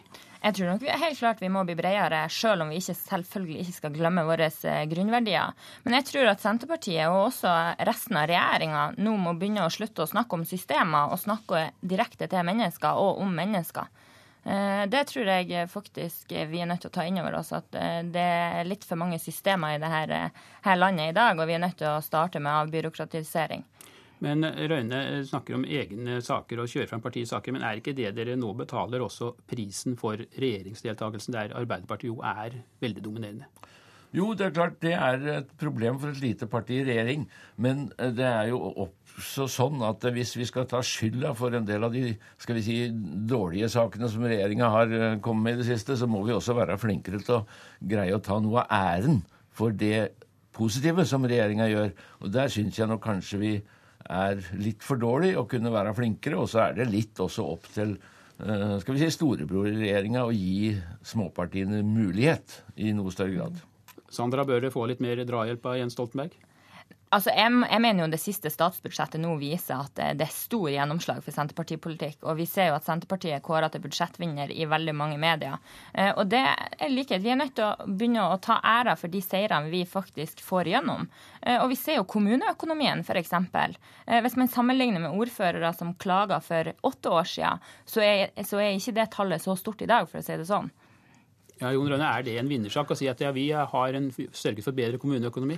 Ja, du vet, eh, Å si at kommuneøkonomien er god, det er på en måte det preller av som vann på gåsa. For det er jo ingen uh, ordfører ja, For du er jo selv varaordfører ja, i en kommune. Og, og, det er klart at økonomien er blitt bedre enn den var i 2003 og, og 2005. Men, men det vinner ikke noe valg på kommuneøkonomi. Det er saker som menneskene er opptatt av. Sandra Bark, i morgen begynner altså landsmøtet i Senterungdommen. Hvor vanskelig er det å mobilisere ungdommen for et parti som kan risikere å falle ut av Stortinget? Senterungdommen er, er, veldig gira på å drive en god valgkamp. og Vi ser i år at vi har flere delegater enn vi aldri har hatt før. Så engasjementet og motivasjonen til Senterungdommen eh, skal det ikke stå, stå, noe på, for å si det sånn. Jon Rønne, til slutt, Hvis du skal nevne én konkret sak som partiet nå bør satse på i de ti månedene som er igjen til valget, hva vil du si da? Ja, Da vil jeg si at vi må utnytte det vi har greid å få til på samferdsel, og fortelle videre hva vi har tenkt å gjøre, for det er en vinnersak for uh, de sentrale områder, og det er en vinnersak i distriktene. Takk skal du ha, varaordfører i Fett kommune Jon Røyne og leder i Senterungdommen Sandra Borch. Og det var Politisk kvarter. Jeg heter Per Arne Bjerke. Du har hørt en podkast fra NRK P2.